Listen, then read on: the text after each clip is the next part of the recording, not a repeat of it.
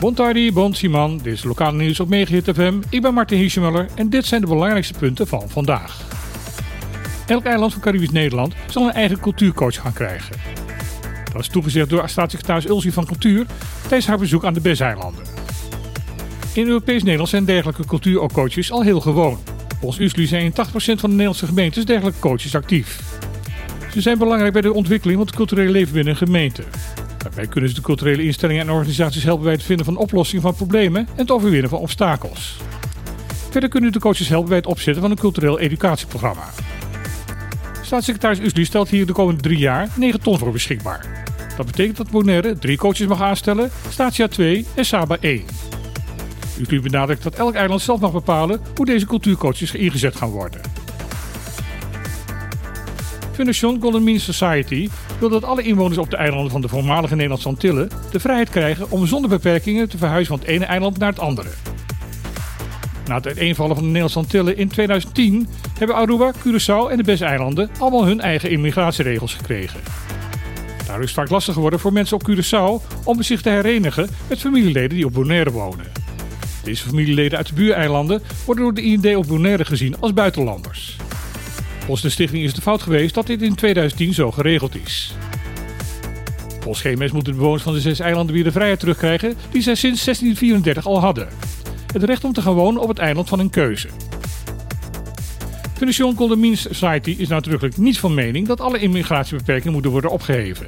Voor vreemdelingen buiten de zes eilanden zouden deze beperkingen wel in stand moeten blijven.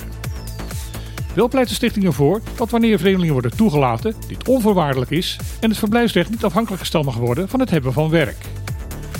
Zodra een immigrant wordt toegelaten, moet deze volgens GMS volledig gelijk behandeld worden met de lokale bevolking. 651 sigarettenpeuken en 2 sigarenpeuken. Dat was de oogstende opruimactie die de Junior Rangers van Sinapa de afgelopen zaterdag bij Tiama Beach heeft gehouden. Het aantal is ongeveer de helft van de oogst van vorig jaar. Dat lijkt een mooie ontwikkeling, maar dit aantal is nog steeds veel te veel.